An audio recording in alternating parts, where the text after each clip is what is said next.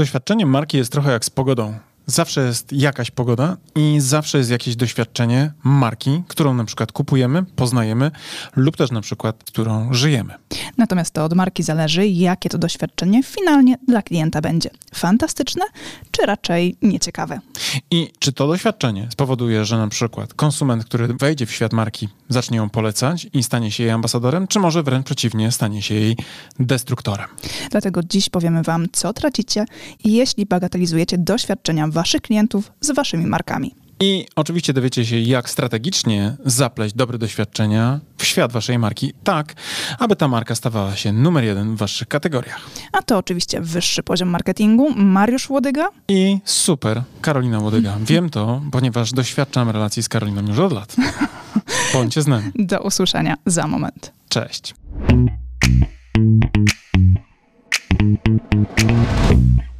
Cześć Karolina. Cześć Mariuszu. Jak tam twoje doświadczenie, które mogłabyś opisać jako naprawdę super doświadczenie z jakąś konkretną marką? Masz jakieś takie, które tobie zostało w głowie, w takiej pamięci, e, nazwijmy to podręcznej? Wiesz co, generalnie ciężko mi jest ostatnio, w ostatnim czasie przywołać jakieś takie super ekstra doświadczenie, które by mi zapadło w pamięć. Raczej mam takie doświadczenia, które są na poziomie ok, ale brakuje mi tych fantastycznych. Może dlatego, że twoja pamięć jest e, dobra, ale krótka, to trochę... Też tak może być. Trochę jak moja kołdra, prawda? Całkiem niezła, jeśli grzeje, ale generalnie jest za krótka i na przykład nie starcza do, do moich e, długich... Nastópki. Nastópki, nie? A tak zupełnie serio.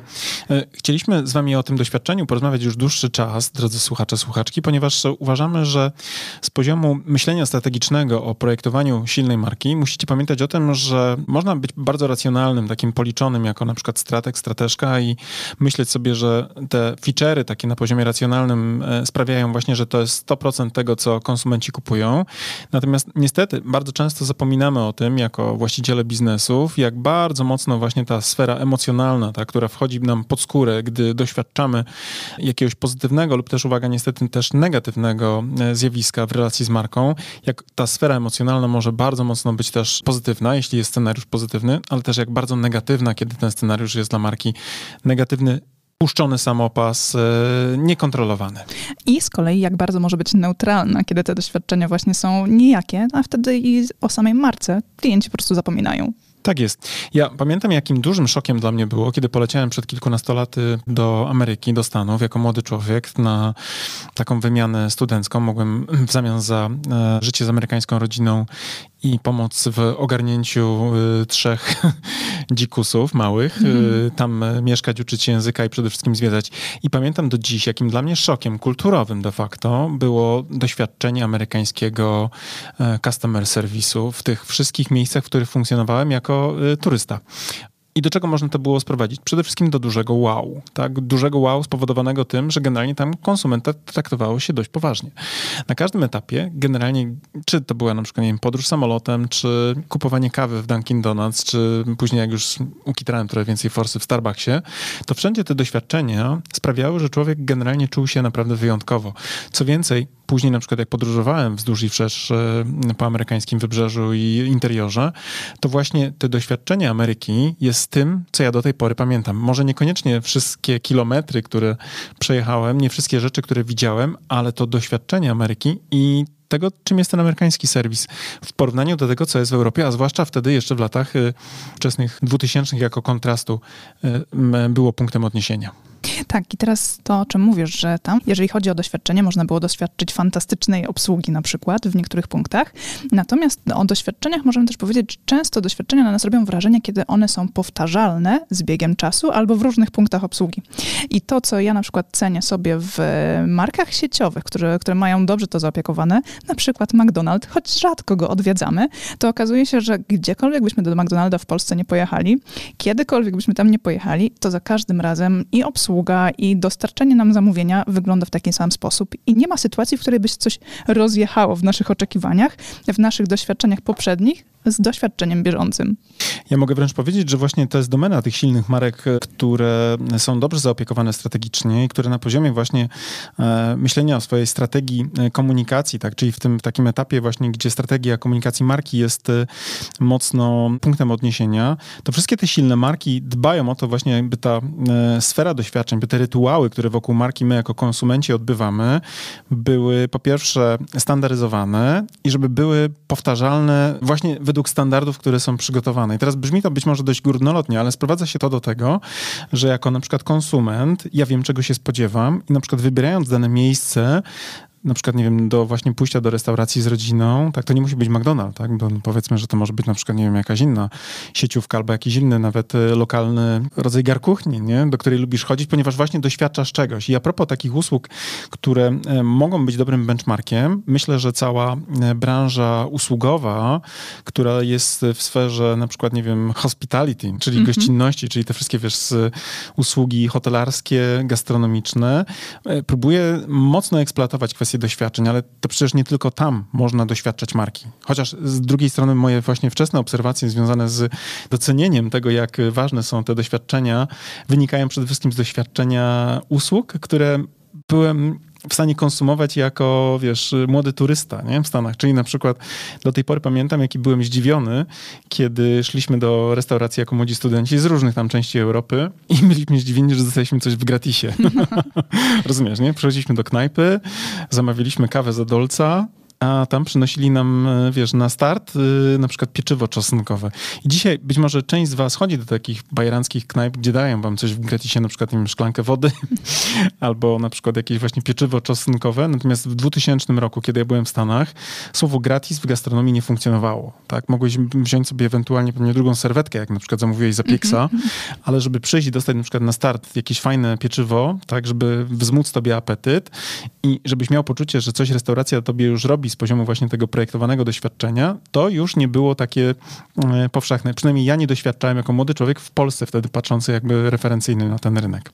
Tak, i to, o czym ty powiedzieliśmy, to, że generalnie w tej branży usługowej, tak, tej e, branży... Gastro szeroko tak, hotelarskiej. Mhm. Gastro hotelarskiej, to generalnie jest to dosyć popularne i dosyć ludzie są świadomi tego, że to doświadczenie, o to doświadczenie trzeba dbać, tak. Natomiast w tym segmencie produktowym okazuje się, że nie wszystkie marki o tym myślą, w jaki sposób klienci doświadczają produktu, bądź też całego procesu zakupowego, albo tak. nawet procesu otrzymania produktu, produktu, kiedy mówimy o sprzedaży wysyłkowej.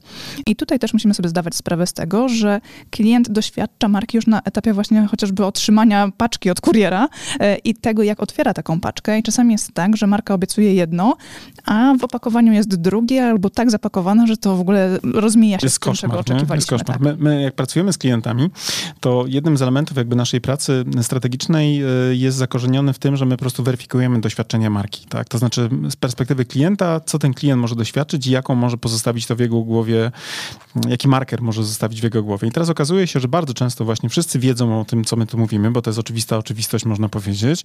Po czym jak idzie operacja, jest wdrożenie biznesowe jakieś tam, prawda, jakichś powiedzmy założeń, to się okazuje, że założenie założeniem, a praktyka praktyką. I kiedy pracowaliśmy z marką, która była marką, która dostarczała suplementy diety, która bardzo mocno korem jakby tego pozycjonowania była ekologiczność tej marki, to jednym z elementów, które nam wyszły podczas takiego audytu procesu doświadczeń, nazwijmy to w ten sposób, e, to wyszło nam to, że wypełniacze do pudełka, tak do paczki, która była wysyłana do e, klientki, która kupiła dany produkt, e, były wykonane, w sensie skrawki, które były używane, były plastikowe. Tak? Czyli generalnie zobaczcie, mamy opowieść o marce, która jest bardzo mocno sfokusowana na e, eko. No, gdzie... O naturze, ekologii, tak? tak? Dbanie o środowisko i o zdrowie, a okazuje się, że paczkę otrzymujemy i ona wcale nie jest taka ekonaturalna percepcji tutaj mamy dużą niespójność, prawda? Z poziomu konsumenta oczywiście w takich sytuacjach od razu mamy pierwszą rzecz, która się jawi w głowie, to znaczy, ok, marka jest nieautentyczna, tak? No bo mówi mi jedno, na poziomie y, komunikacji łowi mnie na autentyczność, a potem na poziomie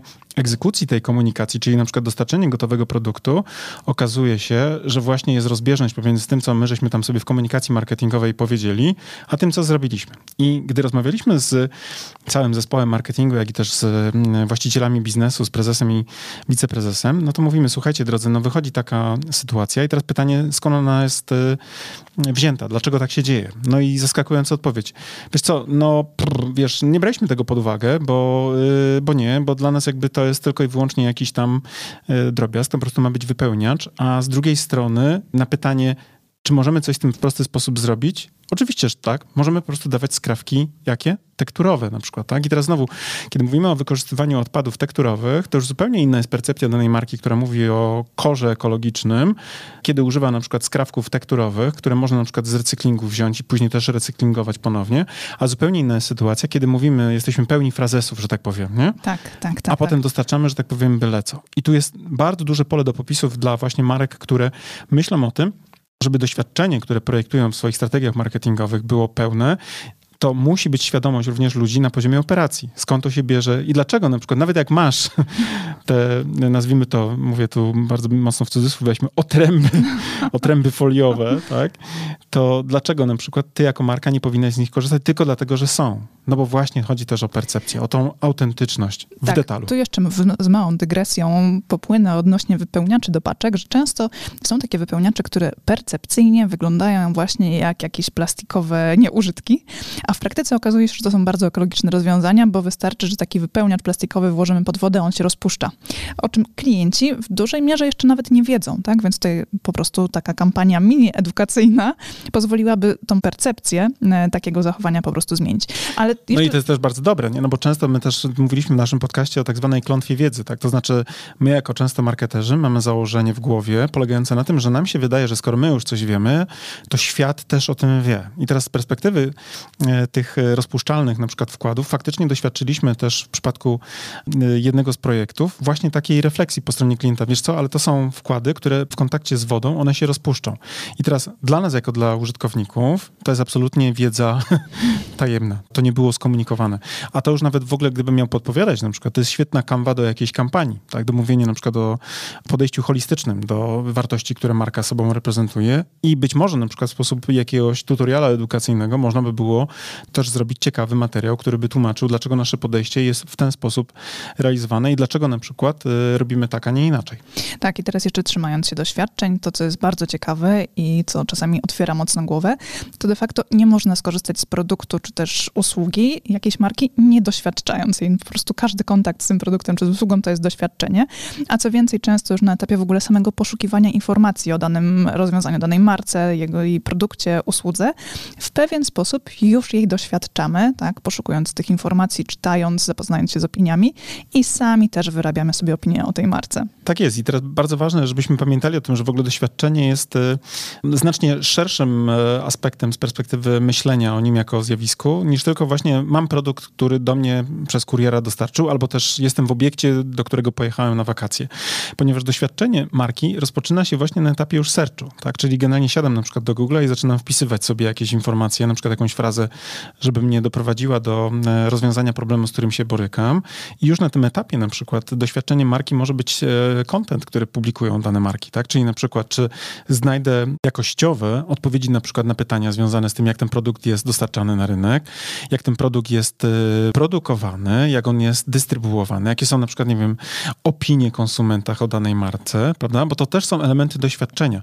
Zatem zanim przejdziemy na przykład do procesu zakupowego, to my jako marketerzy musimy również projektować wszystkie rzeczy, które można ulokować w szczycie leja marketingowego, nie? Czyli tam, gdzie na przykład odbywa się search i tam, gdzie porównujemy produkty, bo właśnie może być tak, że z poziomu doświadczenia marki te rzeczy, które są w domenie percepcji, będą bardzo mocno na przykład nas dyskwalifikowały, bo ktoś po prostu będzie sprawiał wrażenie, że doświadczenie marki po zakupie będzie lepsze. Tak, bo kiedyś w przeszłości, zanim tak bardzo mocno upowszechnił się internet, e, generalnie doświadczenie produktu czy usługi mogło tylko i wyłącznie nastąpić fizycznie. Tak? Musieliśmy pójść do do sklepu, tak, do jakiegoś punktu sprzedaży, mm, tam zakupić Ja produkt. bym tu pozwolił sobie jeszcze rozszerzyć, wiesz, na przykład y, przez konsumpcję też materiałów na przykład tradycyjnych, reklamy, radia, wiesz, prasy, telewizji, tak, to też było przecież rodzaj doświadczenia marki, nie? Więc Tak, tu a- bym o tym też pamiętał. A teraz z kolei bardzo mocno poszliśmy w cyfrę, tak zwaną, i doświadczać tej marki faktycznie możemy praktycznie już teraz wszędzie, tak? Będąc podłączonym do internetu, atakują nas strony internetowe, media społecznościowe, e, mamy dostęp do podcastów, do, do innych mediów. Tak, bo I- przecież podcast to też jest nic innego jak doświadczenie marki, prawda? Słuchacie nas, rozmawiacie z nami, e, komunikujecie się z nami w różnych e, kanałach, e, które, I choć jeszcze nam za to nie płacicie, prawda? To odbywa się doświadczenie na przykład świata łodygów, prawda? tak, tak, strategicznego świata łodygów. Tak? Jesteście częścią jakby obecności na naszej kreatywnej wyspie i to też jest oczywiście projektowane w taki sposób, aby to doświadczenie kontaktu z tą konkretną marką, czyli naszą, było na określonym poziomie. Tak, i dlatego tak ważne jest, żeby każda marka, przynajmniej ta, która chce być silną marką, miała odpowiednio zaprojektowane doświadczenia klientów e, w kontakcie z nią. I w zasadzie w każdym punkcie styku i na każdym etapie procesu zakupowego. Bardzo trudno jest na przykład sobie wyobrazić silną markę, która odpuszcza, tak? Na zasadzie jest, e, nie wiem, bardzo silna w jednym formacie, na przykład, nie wiem, ma bardzo mocny produkt, tak? Ale generalnie na przykład ma fatalną obsługę klienta, nikt nie odbiera telefonów w danej firmie, e, odbierają opryskliwi pracownicy, albo Czego? niekompetentni, czego, gdzie, nie? albo paczki nie docierają, bo coś tam, prawda, ginie po drodze, bo y, są na przykład słabo rozpatrywane reklamacje klientów i kiedy myślimy tylko, że na przykład podstawowym jakby moim obowiązkiem jest wypuszczenie produktu o charakterystyce XYZ, a zapomnimy o tym, że liczy się cały proces, prawda, który związany jest właśnie z tym, co konsument doświadcza z tą marką, to może być tak, że za chwilę na przykład w NPS-ie wyjdzie wam, że wasz NPS jest poniżej e, zera i dla was będzie to pewnie dzisiaj oczywista oczywistość, a z drugiej strony bardzo często mamy sytuację, w której klienci te oczywistości traktują jak prawdę objawioną albo wręcz przeciwnie, jako rzecz niemożliwą. I bardzo często nawet podważają wyniki własnych badań, które zostały przeprowadzone na ich klientach, nazywając, uwaga, klientów, którzy uważają, że doświadczenie marki było na przykład słabe, mianem na przykład niewdzięcznych. I nic nie robią, nie wyciągają e, wniosków i nie poprawiają tego doświadczenia, powodując, że w przyszłości mają na przykład duże problemy z tym, żeby monetyzować ten model biznesowy, mówiąc tak bardzo biznesowym językiem. No dobrze, to skoro już wiemy, że te nie do końca pozytywne doświadczenia mogą powodować, że tracimy klientów, chociaż możemy nazywać ich niewdzięcznymi, to dlaczego tak w ogóle nam zależy na tym, żeby budować super doświadczenia? Dlatego, że według badań, które są dostępne również w książce Maćka Tesowskiego, którą też współtworzyłem, oryginalny tytuł tej książki to był Konsument lojalny jak pies. Dzisiaj to jest po prostu o doświadczeniach klienta e, i lojalności klientów. Według tej książki, jednego z współautorów, e, badania, które przytoczył, mówiło o tym, że e, w latach 2020 wzwyż, tak, ten moment już przekroczyliśmy, bo tą książkę, kiedy współtworzyliśmy, to był 2015-16 rok, czyli to powiedzmy taka była profetyczna wizja na 4 lata do przodu. Otóż e, te badania mówiły o tym, że już właśnie w tych latach 2020 wzwyż jedynym tak naprawdę trwale różnicującym e, wyróżnikiem marki będzie, uwaga, co? Właśnie doświadczenie. I im dłużej siedzę w marketingu, tak, kiedy im dłużej siedzę w ogóle w strategicznym takim podejściu do marketingu, tym bardziej widzę, że jest coś na rzeczy. Nawet y, bardziej pewnie niż byśmy byli skłonni przyznawać. To znaczy, lubimy myśleć o tym, że mamy, nie wiem, unikalne modele biznesowe, że jesteśmy genialni jako właściciele biznesu, jako ludzie, którzy wypuszczają coś na rynek, a nie doceniamy moim zdaniem cały czas jeszcze tego faktora, który jest oparty o to, jak doświadczamy tych marek i uważam, że właśnie myślenie o tym, jak projektować doświadczenie marki jest jednym z kluczowych. Poza tym oczywiście myśleniu o tym, jak zaprojektować w ogóle model biznesowy i tą całą strategiczną stronę komunikowania, strategii marki i strategii komunikacji marki. Tak, i w sumie gdybyśmy mieli mówić o tym odczuwaniu różnicy na poziomie doświadczeń, to faktycznie gdybyśmy się zastanowili nad jedną z naszych ulubionych marek, pewnie wiesz, o której mówię, to ta marka zapewnia nam takie spójne doświadczenie na każdym etapie i to doświadczenie robi olbrzymią różnicę już na etapie odwiedzenia punktu styku, jakim jest sklep fizyczny, autoryzowany na przykład sprzedawca tej marki. E, Później na etapie już samego rozpakowywania to jest w ogóle, to jest w ogóle niesamowite. Otwieraniu, jak... ściąganiu folii delikatnie, tak, z pięknego kartonika. Tak? Mnóstwo, no pewnie... A kartoniki mają swoją specjalną półkę w naszym domu. Tak, tak, tak. To jest, to jest też niesamowite, bo są oczywiście całe kana kanały na YouTubie, które się specjalizują w unboxingu, prawda?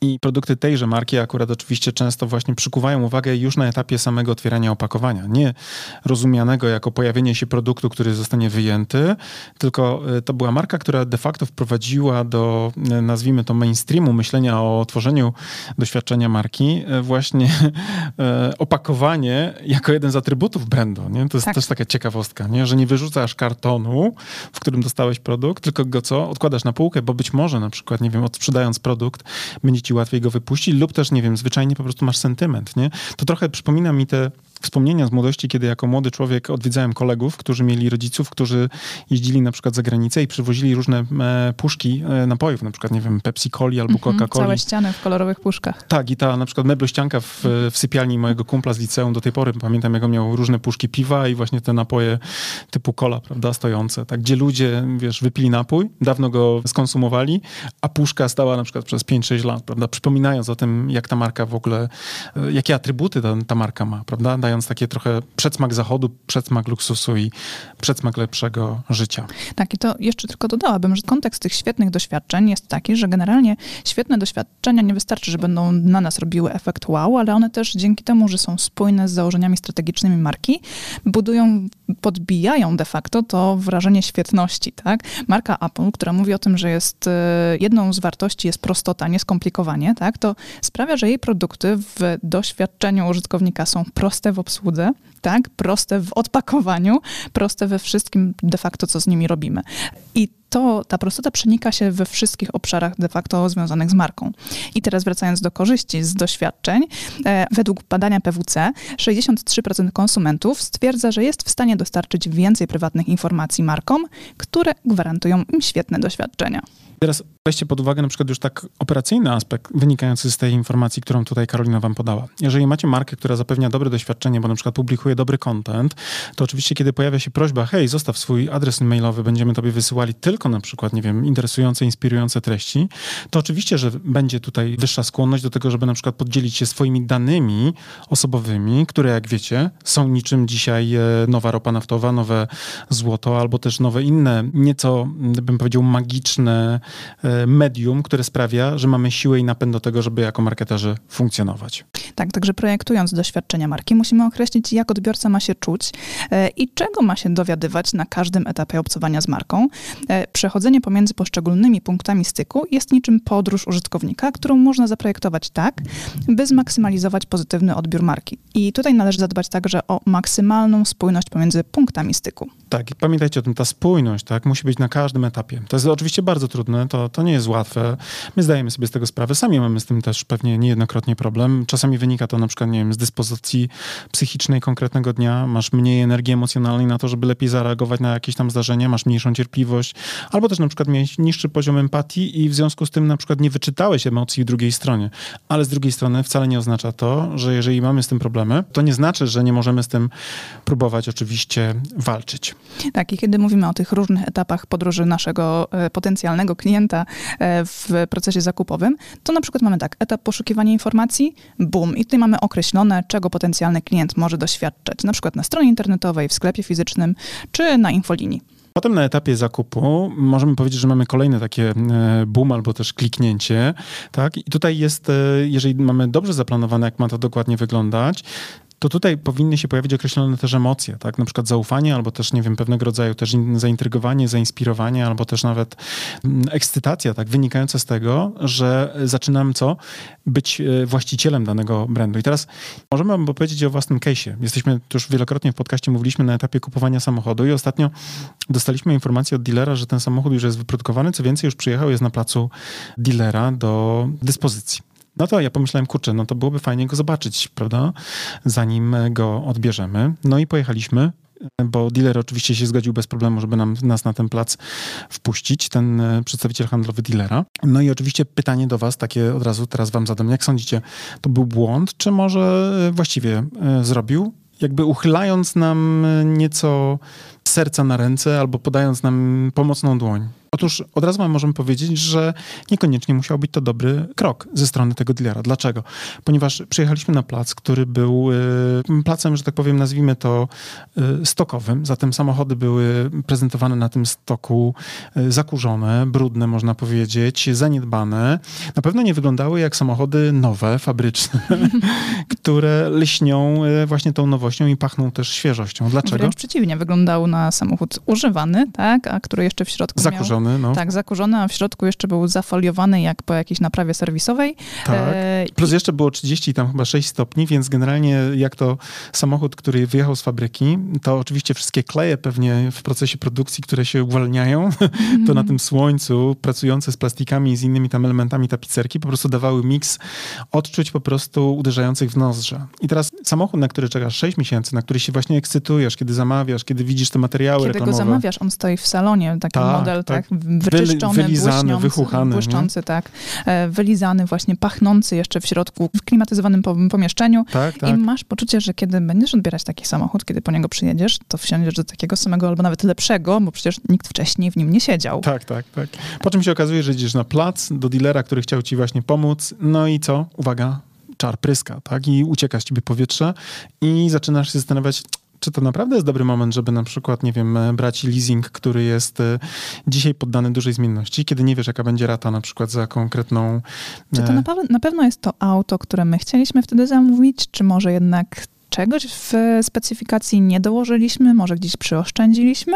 I to niezależnie oczywiście od tego, czy to mówimy na przykład o aucie budżetowym, prawda, dla klasy średniej, jakie my żeśmy wybrali, czy to będzie na przykład, nie wiem, Ferrari za pół miliona złotych albo milion złotych, to za każdym razem właśnie, kiedy pomyślimy sobie, ok, nie trzeba pamiętać o tych wszystkich aspektach z poziomu na przykład, nie wiem, domykania transakcji, to być może pojawi się ktoś, kto stwierdzi, to nie dla mnie. Kiedyś czytałem taką historię o tym, jak właśnie też branża automotive jakiś e, niezadowolony był bardzo mocno klient, który się bardzo mocno rozczarował e, zakupionym samochodem, ponieważ e, dealer mm, zmienił, z uwagi na to, że miał dostępny dany egzemplarz, czas oczekiwania z roku, czy tam półtora wręcz, na daną markę, na odbiór natychmiastowy. I okazało się, że człowiek, który natychmiast mógł spełnić tą swoją zachciankę, nagle mu się poczuło, że wiecie, wewnętrznie, nie, poczuł... To wcale nic wyjątkowego. wyjątkowego. Nic wyjątkowego, bo jest dostępny od razu. Tak. Rozumiecie, nie? Znowu można powiedzieć, ale jak? Przecież no halo. No. Poprawiliśmy no. doświadczenie, nie musisz czekać, tak? Masz natychmiast, jak w McDonaldzie. Zamawiasz i masz hamburgera. I tu w tym cała rzecz. Jakbym chciał czegoś na fast foodzie albo na fast, y, wiesz... Co jest dostępne dla wszystkich od razu. Fast auto, to poszedłbym sobie do komisu i kupił jak mietek używanego y, paska, nie? Tak, tak. I teraz tak. znowu, wydawałoby się często intuicyjnie, że właśnie warto zrobić coś, żeby ułatwić coś konsumentowi, a czasami trzeba wyjść od tego naprawdę pytania, czym nasza marka jest, dla kogo ona jest przeznaczona i czym się różni od innych marek. Tak? Czasami brak naturalnej dostępności od razu jest wyróżnikiem. Czasami jest tak, że prezentowanie na przykład do odbioru danego produktu też jest wyróżnikiem. Pamiętajcie o case'ie Apple'a, który po prostu zwyczajnie z unboxingu uczynił rytuał, który ludzie e, transmitują i odbierają w milionach e, domów na całym świecie. Pamiętajcie też o tym, że czasami takie małe gesty, jak na przykład, nie wiem, darmowe pieczywo, czy też e, wyśmienita kawa, jak w naszym przypadku, kiedy gościmy gości gości, e, którzy zostają naszymi klientami, to są również rytuały, które tworzą doświadczenia naszych marek. Tak, i tutaj też musimy pamiętać o tym, o tym, że czasami faktycznie możemy być w gorszej dyspozycji albo czegoś nie przewidzieć, gdzieś pójść niezgodnie z procedurą, która normalnie była na przykład opracowana co do wydawania samochodów klientom, tak? No przecież skoro klient poprosił, no to niech przyjedzie wcześniej, pójdę mu na rękę, no ale wyłamałem się ze schematu i to doświadczenie jednak nie jest takie, jak zaplanowane było przez markę. I możemy mieć takie poczucie, no kurczę, czasami nam się noga powinie, ale to przecież nic złego, prawda? No i tutaj okazuje się, że nie do końca. Bo znowu według badania PWC e, aż 32% konsumentów y, już pojedynczy incydent, tak, przekładający się na złe doświadczenie, tym 32% wystarczy, aby zrezygnować z marki na stałe. Nawet jeśli to marka, którą, uwaga, uwielbiają, tak? To jest taki paradoks, nie? Możesz na przykład być, nie wiem, fanem marki Audi, tak? Mówiąc znowu w języku automotive, ale na przykład, nie wiem, okaże się, że serwis, tak, zawala, a bardzo często serwisy zawalają i akurat w przypadku marki Audi u nas faktycznie serwis Mieliśmy takie doświadczenie. Zawalił, ale tak koncertowo, że nawet nie chce mi się tego przypominać, bo po prostu zwyczajnie mi do tej pory podchodzi żółć pod e, przełyk. Tak, ale do dzisiaj nie korzystamy z tej marki. Nie wróciliśmy, bo mamy poczucie, że być może auto jest spoko, tak, że ta przewaga dzięki technice, którą obiecują, być może jest do, do wiezienia, ale na myśl doświadczenia serwisu, jakie Audi miało, tak, e, u e, jednego z największych dealerów w Polsce, to po prostu robi mi się do tej pory niedobrze.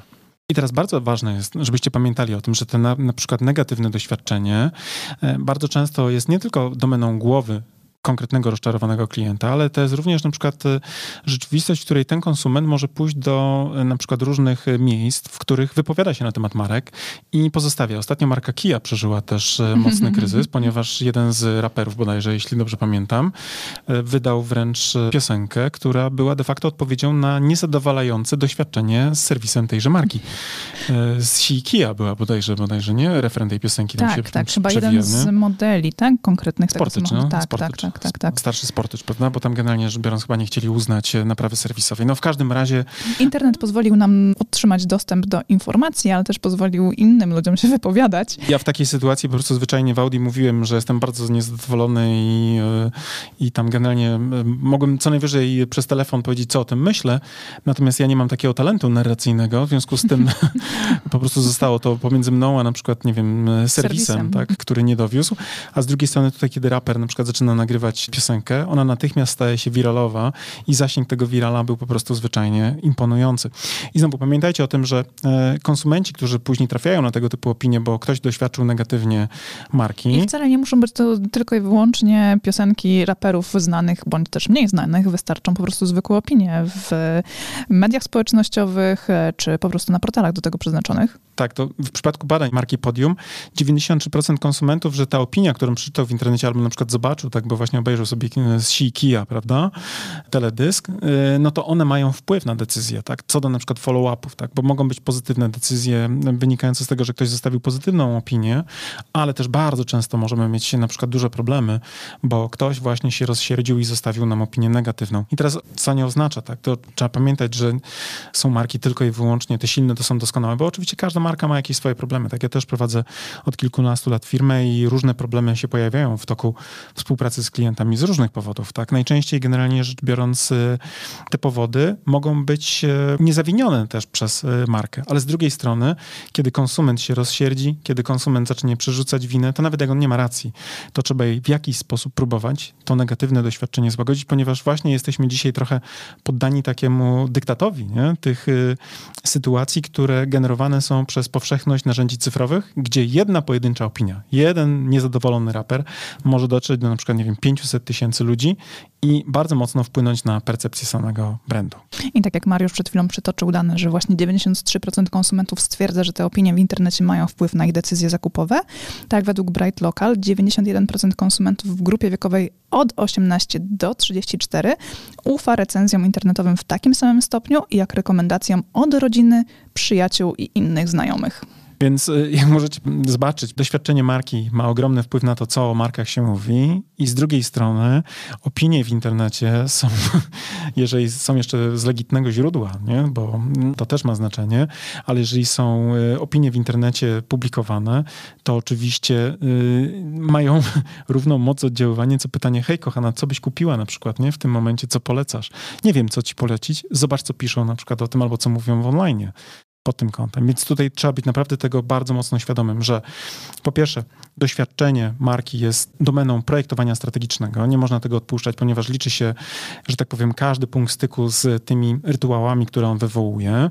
I też musimy pamiętać, że wszelkie błędy, które nam się na tym etapie procesowania jakby tych doświadczeń pojawią, one mogą się odbijać czkawką. I czasami ta czkawka może przeistoczyć się naprawdę w duży kryzys biznesowy i na koniec, może też zbliżając się do końca naszego podcastu, w zeszłym roku mieliśmy klienta, który bardzo mocno zignorował wyniki, a to jest marka, która myślała o budowie franczyzy w sferze usługowej. Bardzo mocno zignorował informację o tym, że NPS w jego sytuacji obecnych pracowników e, był e, na poziomie 36 poniżej e, zera, minus 36. To on właśnie powiedział, że e, oni są niewdzięczni. Nie, ci, nie znają się. Nie znają się, są niewdzięczni, nie, nie potrafią docenić charyzmy. I w momencie, momencie, w którym ta marka była z nami wtedy w procesie jakby badań marketingowych, tak, tego nazwijmy to odkrywania e, doświadczenia marki, które były wyrażone za pomocą wskaźnika NPS w tym przypadku, e, to marka miała sprzedaż na poziomie pół miliona miesięcznie, a w sytuacji, w której pół roku później nic nie było zrobione i te doświadczenia nadal były takie, jakie były, to po pierwsze nastąpił eksodus najlepszych pracowników, to oczywiście wiadomo, rodzi natychmiastowy problem, a jako, że ci najlepsi, którzy odeszli, również mieli ze sobą e, największą historię sprzedażową, to również co co momentalnie wysypała się sprzedaż i w kwietniu bodajże tego roku ta marka odnotowała sprzedaż na poziomie 12 tysięcy złotych, stojąc na krawędzi, że tak powiem, e, no, załamania samego e, biznesu. Więc generalnie znowu pamiętajmy o tym, że myślenie o doświadczeniu jest holistyczne. Doświadczenia naszych konsumentów, wiadomo, naszych klientów, to jest jedno, ale i doświadczenia wewnątrz naszej marki, czyli na przykład naszych pracowników, też muszą być brane pod uwagę, ponieważ de facto każdy kryzys w każdej marce zaczyna się, moim zdaniem, najczęściej właśnie od strukturalnych, wewnętrznych problemów, a najczęściej te problemy są generowane przez jakieś kwasy, przez jakieś niezałatwione tematy, które powodują, że marka co sypie się w podstawach sypie się, że tak powiem, od środka i potem już tylko i wyłącznie skutkiem tego jest na przykład załamanie e, sprzedaży. Tak, zatem to, co możecie dobrego zrobić dla swojej marki, to oczywiście zaprojektować świetne, całościowe doświadczenie klientów z waszą marką i oczywiście doświadczenie, które będzie spójne z założeniami strategii marki i jej komunikacji. Teraz, jak to możecie dokładnie zrobić? Cóż, tego oczywiście możecie się dowiedzieć z naszego kursu online ABC Strategii Marki. No jakże pięknie podpowiedziałaś. Tyle gadania, żeby dojść do tego, prawda? Na sam koniec. Moi drodzy, e, tak, jeżeli chcecie myśleć holistycznie o waszej marce, to przede wszystkim musicie zrobić badania marketingowe, dowiedzieć się, jak odkrywać te doświadczenia i jak one wpływają na percepcję waszego brandu. To jest oczywista sprawa. Musicie też odpowiednio zaprojektować strategię marki, żeby ta marka była atrakcyjna z poziomu waszej grupy docelowej, czy też grup docelowych. No i oczywiście musicie umieć też przełożyć to na komunikację, czyli odpowiednio musicie musicie zaprojektować strategię komunikacji marki. Jak chcecie to zrobić, to oczywiście nasz kurs jest dla Was, bo uwaga, mamy dla Was absolutnie też e, co do powiedzenia, że jeżeli. Słuchacie naszego podcastu, to raz na jakiś czas pojawia się taka specjalna informacja i ona teraz też się pojawi. Jest specjalny kod dla właśnie słuchaczy na hasło podcast. Otrzymujecie 15% rabatu na zakup naszego kursu. Tak jest, powtórzę, bo ludzie się uczą przez powtórzenia. Na hasło podcast macie 15% rabatu na nasz kurs ABC Strategii Marki, a ten kurs znajdziecie oczywiście na naszej stronie internetowej. A gdybyście szukali linka, jesteście na przykład, nie wiem, e, wygodni, a my my szanujemy to doświadczenie, prawda? To znajdziecie w opisie tego odcinka link do naszego kursu. Dokładnie tak. Także z tą wiedzą, z tymi możliwościami, które przed Wami stoją, zostawiamy Was na koniec dzisiejszego odcinka i mówimy do usłyszenia następnym razem. Bądźcie z nami. Cześć. Cześć.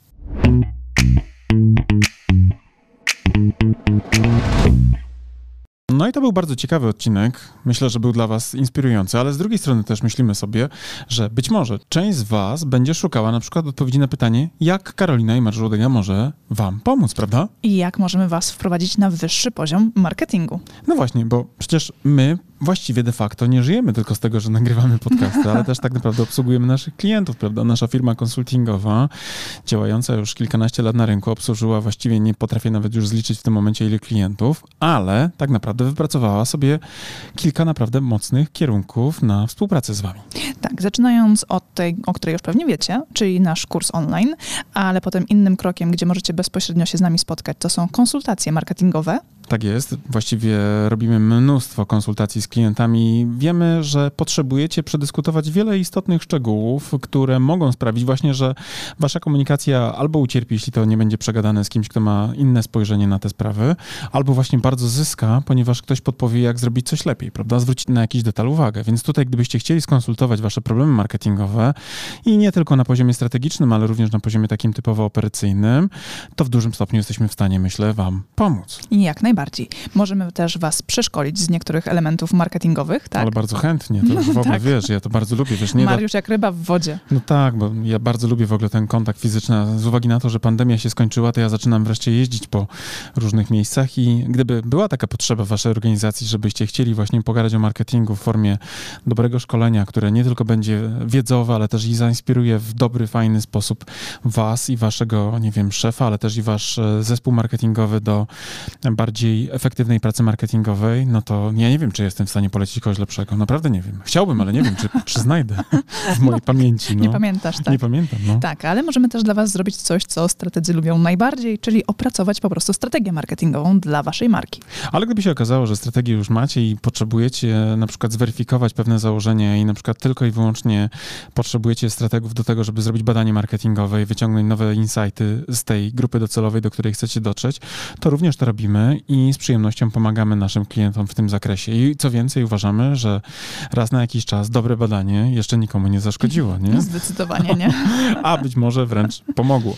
Tak, a jeżeli na przykład prowadzicie sklep internetowy i potrzebujecie zweryfikować, czy jest on prosty i intuicyjny dla waszych klientów, czy proces zakupowy jest też zrozumiały i czy nie sprawia, że wasi klienci opuszczają wasz sklep, bo po prostu coś było nie tak, to zawsze możecie też się do nas odezwać, a my przeprowadzimy audyt sklepu internetowego. Tak jest. I nie tylko na poziomie oczywiście takich typowo e, operacyjnych wskaźników, jak na przykład, nie wiem, e, kwestie konwersji, prawda, na sklepie, ale również spojrzymy na to, oczyma z zewnątrz, aby dać wam feedback, w jaki sposób wasza marka z waszym sklepem internetowym może się różnicować, prawda, w tym całym gąszczu. I tutaj nasze bardzo bogate doświadczenie komersowe również może być dla was bardzo mocno pomocne. Więc jak Czyli sami... tutaj mamy połączenie procesu zakupowego razem z tym aspektem marki i strategii marki. Tak jest, bo tutaj absolutnie pewnie łatwiej dzisiaj utworzyć sklep internetowy niż przetrwać ze sklepem, więc generalnie rzecz biorąc myślę, że tutaj też byście byli bardzo mocno e, zaskoczeni, ile rzeczy możemy wam e, podpowiedzieć. Więc tak long story short, jak to mówią anglosasi, prawda?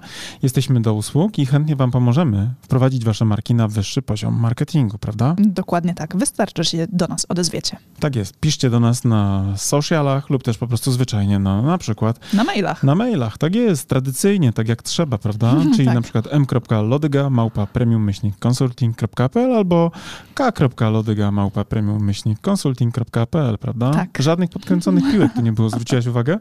A jak nie wiecie, jak zapisać m.lodyga, to zawsze może być biuro małpa premium-consulting.pl. Ale pięknie to powiedziałaś. Drodzy, to nie przedłużamy już tej naszej reklamy, no i mówimy do zobaczenia, do usłyszenia już niebawem. Cześć! Cześć!